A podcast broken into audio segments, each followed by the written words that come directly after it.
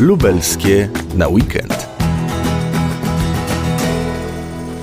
Dominika Lipska, Stowarzyszenie Turystyka z Pasją. Tomasz Banach, Stowarzyszenie Turystyka z Pasją, pilot turystyczny, przewodnik. Jacek Bełs, Stowarzyszenie Turystyka z Pasją. Jeśli wybieramy się do Zamościa, to warto pamiętać też o tych miejscowościach, które są wokół, w okolicy, przez które często przejeżdżamy i dzisiaj o takich miejscowościach będziemy mówić na antenie Radia Lublin.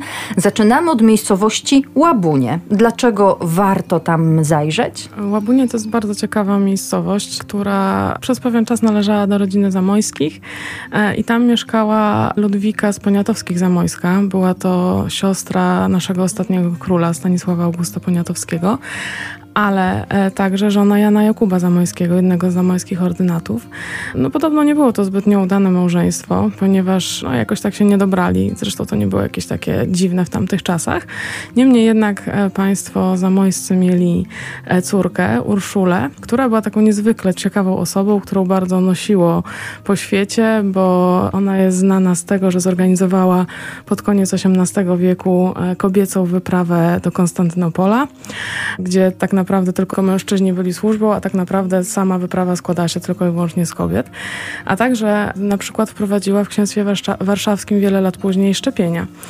Także, także myślę, że jest to postać bardzo ciekawa, a w, samym, w samych Łabuniach można wiele ciekawych rzeczy zwiedzić. E, obecnie pałacem, który został przez Niemców podczas wojny wysadzony, ale został odbudowany, opiekują się siostry franciszkanki.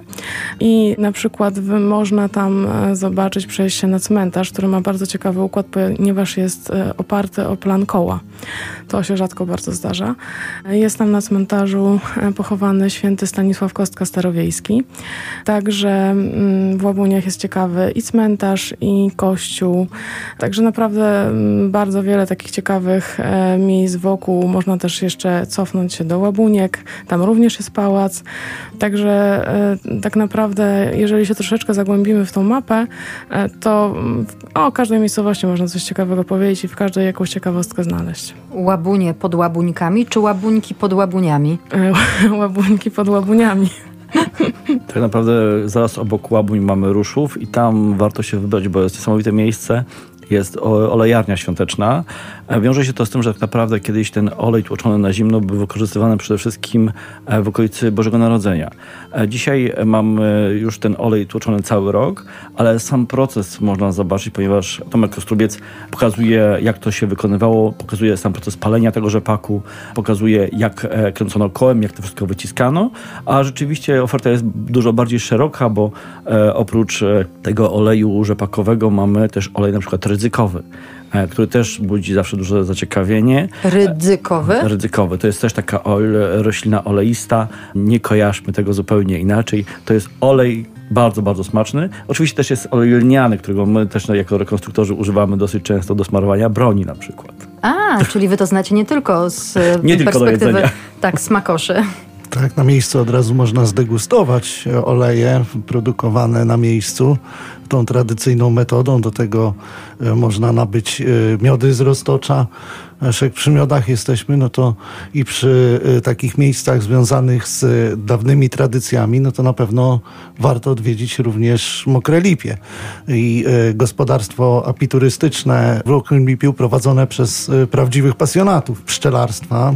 Mamy tam takie mm, podręczne muzeum. Pan Śliczniak, który zbierał to przez wiele lat, poustawiał i barcie, i takie stare ule, i ma, to też jest ciekawostką, bardzo dużo ciekawych miodów, które są wpisane też na listę produktów lokalnych, e, na przykład miód fasolowy. To jest coś wyjątkowego, bo Szczebrzeszyn to jest zagłębie białego jasia, tej wysokiej fasoli i miód fasolowy jest naprawdę rewelacyjny i jest jednym właśnie z tych produktów e, regionalnych. Ja ostatnio A... zajadałem się facelią. Ale pan też... Śliczniak ma także na przykład wyposażenie dawnej szkoły, które też tam można zobaczyć u niego, odwiedzając przy okazji muzeum. E, a będąc już w Mokrym Lipiu, e, także można obejrzeć kościół e, neogotycki. A jak ktoś się dobrze zagłębi w właśnie tą wieś, to także może zobaczyć tajemnicze ruiny kościoła jeszcze wcześniejszego, który został zniszczony, a na jego miejscu powstał właśnie ten neogotycki z początku wieku XX. Czyli to takie poznawanie historii i miejsc, tego co fizycznie zostało i tradycji. No tak, y, na tym terenie mamy bardzo dużo obiektów, które odwołują się do tradycji, do etnografii. Tutaj można by było wymienić no, już takie słynne miejsca, jak chociażby Zagroda Guciów, ale także takie mniej znane, jak chociażby Muzeum Etnoart y, w Rozdołach, gdzie Ela też z wielką pasją gromadzi y, w swoim mini skansenie pamiątki z dawnych czasów, z okolicznych miejscowości. Także tam też warto na pewno zajrzeć, posłuchać opowieści, miło spędzić czas. Lubelskie na weekend.